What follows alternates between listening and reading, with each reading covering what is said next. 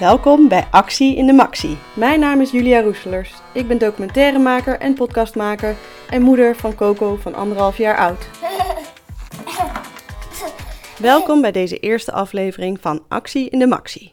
In deze eerste aflevering gaan we het hebben over leefomgeving. Ik ga een aantal mensen spreken en vraag ze wat hun leefomgeving is. Hoe woon je met je kinderen of kindje en misschien ook met je partner? Hoe uh, geef je jouw eigen leefomgeving vorm? Wat betekent dat? Wat voor invloed heeft het op jou en wat voor invloed heeft het op je kindje? Maar ook wat vinden mensen daarvan om jou heen? Dus wat zijn de reacties van uh, bijvoorbeeld de mensen uit uh, jouw politieke of activistische scene of, of, omgeving, maar ook familie en vrienden, maar ook juist mensen die misschien niet zo heel erg in jouw bubbel zitten. Dus mensen, uh, de juf op school bijvoorbeeld. En om um, als eerste maar even zelf in het diepe te springen in deze eerste aflevering, ga ik jullie vertellen um, wat mijn leefomgeving is. Ik woon met mijn dochter van anderhalf um, in een woongroep in Amsterdam. Wij wonen hier met zes volwassenen en dus één kindje. Um, we hebben allemaal best wel veel um, privéruimte. Dus ik heb een soort uh, klein appartement met mijn dochter samen. Um, en we hebben ook een gemeenschappelijke keuken waar we eigenlijk dagelijks wel met elkaar uh, eten.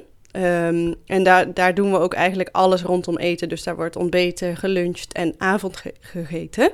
Uh, dat betekent dus ook dat mijn dochter heel, heel geregeld aan het avondeten zit met een grote groep mensen. Uh, in eerste instantie deed ik dat niet toen ze nog heel klein was, omdat het uh, dan al snel te laat werd voor haar. Maar ik ben daar sinds een tijdje mee begonnen en uh, dat heeft echt enorm veel impact gehad op hoe zij at. Het is echt heel erg verbeterd. Ze vindt het ook heel gezellig. Het betekent wel ook dat de groep, dus de, de andere vijf volwassenen, regelmatig met uh, ja, peuter-puberteit-achtige taferelen te maken krijgen. Dus dat zij opeens hysterisch is omdat ze de kraan niet de, hele tijd open mag trekken. Of van de kinderstoel weg wil lopen de hele tijd. Of met eten op de grond gooit. Of juist heel erg de clown uit gaat hangen en gaat staan en op tafel gaat proberen te klimmen. dus dat zijn best wel dingen die hebben best wel invloed op, uh, op de groepsfeer. Um, en misschien ook wel interessant om te vertellen is dat ik um, voordat ik zwanger werd van mijn dochter, um, het hele idee en plan eigenlijk om, uh, om een kindje te uh, krijgen, heb voorgelegd aan de groep. Bij ons was het altijd zo dat een kind krijgen uh, en daarmee dus in deze groep gaan wonen niet een vanzelfsprekende yes oplevert. Uh, maar dat het vooral belangrijk is dat, uh, dat je het voorlegt en dat iedereen zich daarin kan vinden. want ja, we wonen toch met z'n allen samen en we eten samen en we hebben een solidair financieel systeem. En het heeft gewoon heel veel invloed op mensen hun leven. En er zijn ook wel een aantal bewust kinderloze bewoners. Um, maar iedereen vond het dus heel fijn en gezellig als, um, als er een kindje bij kwam. En dat is gelukkig gelukt. Heeft best wel even geduurd. Uh, maar uh, in die hele, ja, door het allemaal te delen met huisgenoten heb ik ook wel heel veel steun uh, ontvangen. En voelde het ook echt wel als een soort gezamenlijke keuze. En daarmee ook wel als een gezamenlijk project of zo, in zekere zin. Um, ja, omdat, um, omdat zij natuurlijk ook nu de huisgenoot is van mijn huisgenoten. Um, ja, en ik denk zeker naarmate zij ouder wordt, dat er, dat er dat steeds belangrijker gaat zijn. Dat zij ook wel een kleine rol uh, in haar opvoeding uh, gaan spelen. En uh, nou ja, mensen kunnen natuurlijk af en toe even oppassen of komen even met haar spelen of nemen haar eens een keertje mee naar de winkel. En nou ja, we grappen hier al af en toe over dat, dat zij op een gegeven moment zakgeld gaat krijgen uit onze gemeenschappelijke huispot. maar ja, dat is eigenlijk helemaal niet zo'n gek idee. En dat zijn dus wel belangrijke kenmerken van de manier waarop ik samenleef met mijn dochter.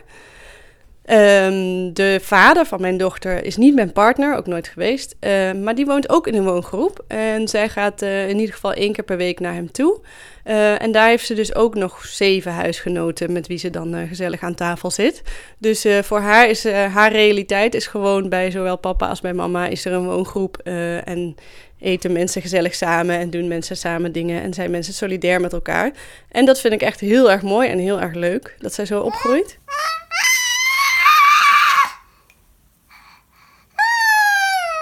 Nou, genoeg geluld. We gaan in gesprek met wat andere mensen om eens even te kijken hoe zij wonen. Ik heb met Alice gebeld. Zij woont met haar vriend en zoontje uh, op een hele toffe plek. En uh, ze gaat even daar zelf iets meer over vertellen. Ik woon op een gekraakt stukje land met een hele zooi huisgenoten.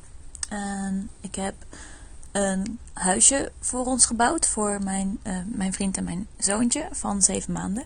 Wauw, dus uh, Alice heeft haar eigen huisje gebouwd voor haar vriend en haar kindje. En op deze manier dus echt ja, heel letterlijk haar eigen leefomgeving vormgegeven. Maar we hebben wel heel veel huisgenoten om ons heen die ook in huisjes of in caravans wonen. En, en dat is ontzettend gezellig. Ja, het klinkt echt super idyllisch eigenlijk. Op deze manier zo samenwonen in zelfgebouwde huisjes en zo. Um, ja, en ik vraag me toch wel af van, uh, zijn er ook nadelen? Want um, ja, met zo'n piepklein babytje ben je best wel aangewezen op uh, hygiëne en warmte. En, um, ja, en, en zijn natuurlijk ook mensen van buitenaf, de kraamzorg en zo, die zich opeens bemoeien met dat soort dingen. Dus um, dat lijkt me nog best wel lastig soms eigenlijk. Tijdens mijn zwangerschap hebben we water aan laten leggen. Dat vonden we wel echt nodig. En voor de rest hebben we eigenlijk vrij weinig aangepast. Ja, met, met de waterleiding hebben we dus ook eigenlijk een douche gebouwd, zodat we meer hygiëne hebben. Dat is met een baby wel fijn. Maar voor de rest uh, waren we eigenlijk al wel dik tevreden. Um, ik ben wel benieuwd um, hoe mensen van buitenaf dan uh, reageerden. Want ja, je hebt natuurlijk de kraamzorg die langskomt, maar ook het consultatiebureau. En nou ja, ook een hoop bezoek waarschijnlijk. Gewoon mensen die zich gaan bemoeien met hoe jij het doet met je babytje. En mensen zijn natuurlijk best wel ongenuanceerd soms over hygiëne en warmte en, en, en wat er dan veilig is en richtlijnen met klossen onder je bed en weet ik veel wat allemaal. Tijdens mijn zwangerschap heb ik me wel zorgen gemaakt over um, wat vindt de verloskundige of de kraamzorg ervan, hoe wij wonen. Um, je zal maar net zo'n type hebben wat ontzettend afgeschrokken is van... Uh, uh, ja, zelfgemaakte huisjes en houtkachels en, uh, en krakers en modderschoenen en uh, compostwc's en weet ik het wat allemaal. Maar dat viel me echt ontzettend mee. Want ehm, onze verloskundige die was volledig bereid om een thuisbevalling te begeleiden. En dat, nou, dat wou ik echt heel erg graag. Dat is helaas niet gelukt, omdat ik erg lang zwanger was.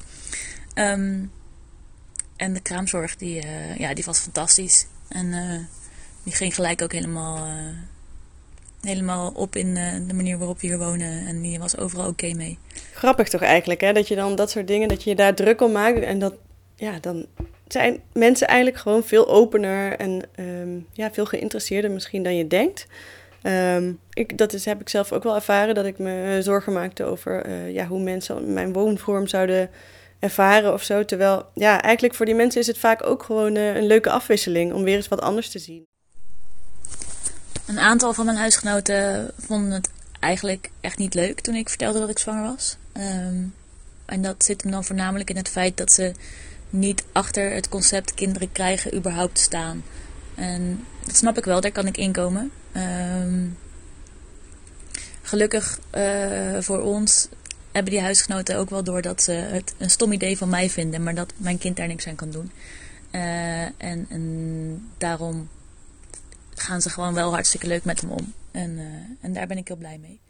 Lijkt me nog best lastig um, als je huisgenoten dus uh, jouw kinderwens um, een, een, stom idee uh, vinden. Um, tegelijkertijd hebben mensen natuurlijk wel het recht om ja, tegen het krijgen van kinderen te zijn. Ik vraag me wel af van, zijn deze mensen dan ook bijvoorbeeld echt voor het zo snel mogelijk laten uitsterven van de mensheid? ja, misschien wel.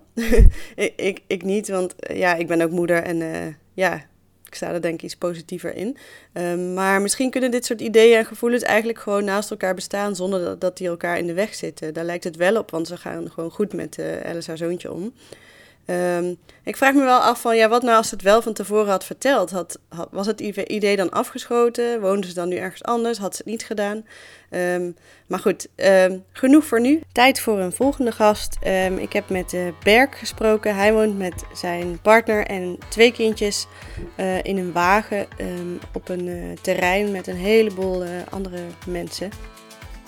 Praten? Ja, ik ga nu praten naar de telefoon en dan ga ik hebben over hoe het is om twee lieve kleine dochtertjes op te brengen in een soort woonwagengemeenschap. Kunstenaars, ex-krakers en uh, en zo'n beetje wilde mensen. Wonen we met z'n allen in uh, in woonwagens en zelfgemaakte huisjes. eh, op de slipvelden in Noord. Wij wonen in een, eh, in een woonwagen van eh 11 bij 2,5. En eh, we hebben een wc'tje. Het is een emmer. We hebben wel stromend water en een beetje stroom. Van zonnepanelen en, en een houtkachel. Het hele huis is één kamer. En Dali, tenminste de, de oudste, die slaapt onder ons verhoogd bed. En de baby die slaapt eigenlijk bij ons in bed. Wauw, dat is eh, wel best wel een serieus kleine ruimte met vier mensen. Ook al zijn er twee nog maar hele kleine mensjes. En het plaatst dingen ook wel weer een beetje in perspectief. Want ik heb dus één slaapkamer eh, in mijn appartementje. Ehm, en vind het soms al wel lastig dat mijn dochter en ik dus altijd in dezelfde slaapkamer slapen. Maar dit is eh, een heel ander verhaal. Er zijn altijd mensen hier over de vloer. Iedereen die speelt met de kinderen constant. En eh nou, er zijn altijd mensen die, die best wel goed oppassen. Ja, dat, dat sociale leven, dat heeft wel echt een heel veel, volgens mij best wel een indruk op eh, hun. In de zin van dat er, eh, dat ze als je ze vergelijkt met andere kinderen op de crash of zo, dat ze al heel erg gesocialiseerd zijn. En helemaal niet bang zijn om op mensen af te stappen en dingen van ze te vragen. Of eh, nou ja, gewoon een beetje eh, contact te zoeken met, met andere kinderen en andere mensen. Ja, dit, dit is wel echt het eh, it takes a village to raise a child eh, principe, denk ik. Ehm, en eh, ja, dat klinkt echt super mooi. en het is wel grappig dat mensen eigenlijk dat heel vaak zeggen. ehm, maar niet zo heel veel mensen het aandurven om met een kindje echt in een gemeenschap te wonen. Terwijl mensen wel heel erg, ja, eigenlijk massaal hun, ehm, ja, de opvoeding en zorg voor hun kinderen uitbesteden aan, nou ja, toch wel kapitalistische bedrijven uiteindelijk. En mensen die je niet zo goed kent. Er zijn hier ook best andere mensen die zo langzamerhand eh, kinderen zijn gaan krijgen. En eh, dus nu hebben we een soort van. Ja, wat, we, we- we zitten te denken om een, eh, om een beetje een, eh, een crash op te zetten. Misschien wel eh, een klein schooltje of eh, dat we dan eh thuisschool doen, homeschooling, maar dan met eh, een collectiefje. Ja, al die opties die zijn er. En eh, wat ook eh, best leuk is, omdat eh, nou ja, ons ritme is natuurlijk niet eh 9 to 5. Eh, ons ritme is dat gewoon niet. Wij, eh, wij, wij hebben een vrij onregelmatig ritme. Ze hebben het vaak over de 3 R. Reinheid, regelmaat en eh, nou, die andere week al niet meer. Maar ja, daar houden we ons eh, helemaal niet echt aan. En dat komt, dat clasht best wel vaak met de crash. Maar eh, dat maakt ons eigenlijk helemaal niet zoveel uit. Eh, wij, eh, als Dali niet kan slapen, dan, kan, kan, dan ga ik gewoon naar buiten. Of als die, die Faya van een half jaar niet kan slapen, dan ga ik gewoon naar buiten. En dan ga ik bij de buren langs, die soms om een kampvuurtje zitten. En dan ga ik gewoon lekker met ze hangen. En dan, en dan vallen ze lekker in slaap bij het kampvuurtje. En dan leg ik ze le- lekker hier in hun bed. Dus het is, eh, ja, het is echt een beetje een romantische, romantische circusleven. Ja, dit, is, eh, dit klinkt zeker super romantisch, eh, circusleven. En ik zie het ook al helemaal voor me dat je dan lekker met een babytje op schoot bij een vuurtje zit. En gewoon je vrienden kunt blijven zien. En dat het echt super fijn is. En tegelijkertijd krijg ik van het idee ook wel een beetje stress of zo. Dat ik denk, oh, hoe moet het dan met slaapjes? En ze moeten zoveel uur per nacht maken. En als ze dan eh, moe zijn terwijl ze naar de opvang moeten. En dan redden ze het niet. En, en je hoort allemaal van die verhalen over dat, dat, eh, dat als ze niet, eh, weet je wel, dat inderdaad die drie R'en, als die rust en die regelmaat er niet is, of de reinheid, dat, dat, dat ze dan in de war raken en zo. En ik ben dan toch wel heel erg bang dat ik zelf niet slaap. Ik ben wel benieuwd hoe, ja, hoe je daar zo relaxed mee om kan gaan. Ja, het is wel. Ik heb, het, ik, het boeit me niet heel erg wat bijvoorbeeld de, de crashleidsters zouden denken. Maar wat ik wel zeker van. Wat ik wel, waar ik wel een beetje bang voor ben of rekening mee hou, is het feit dat.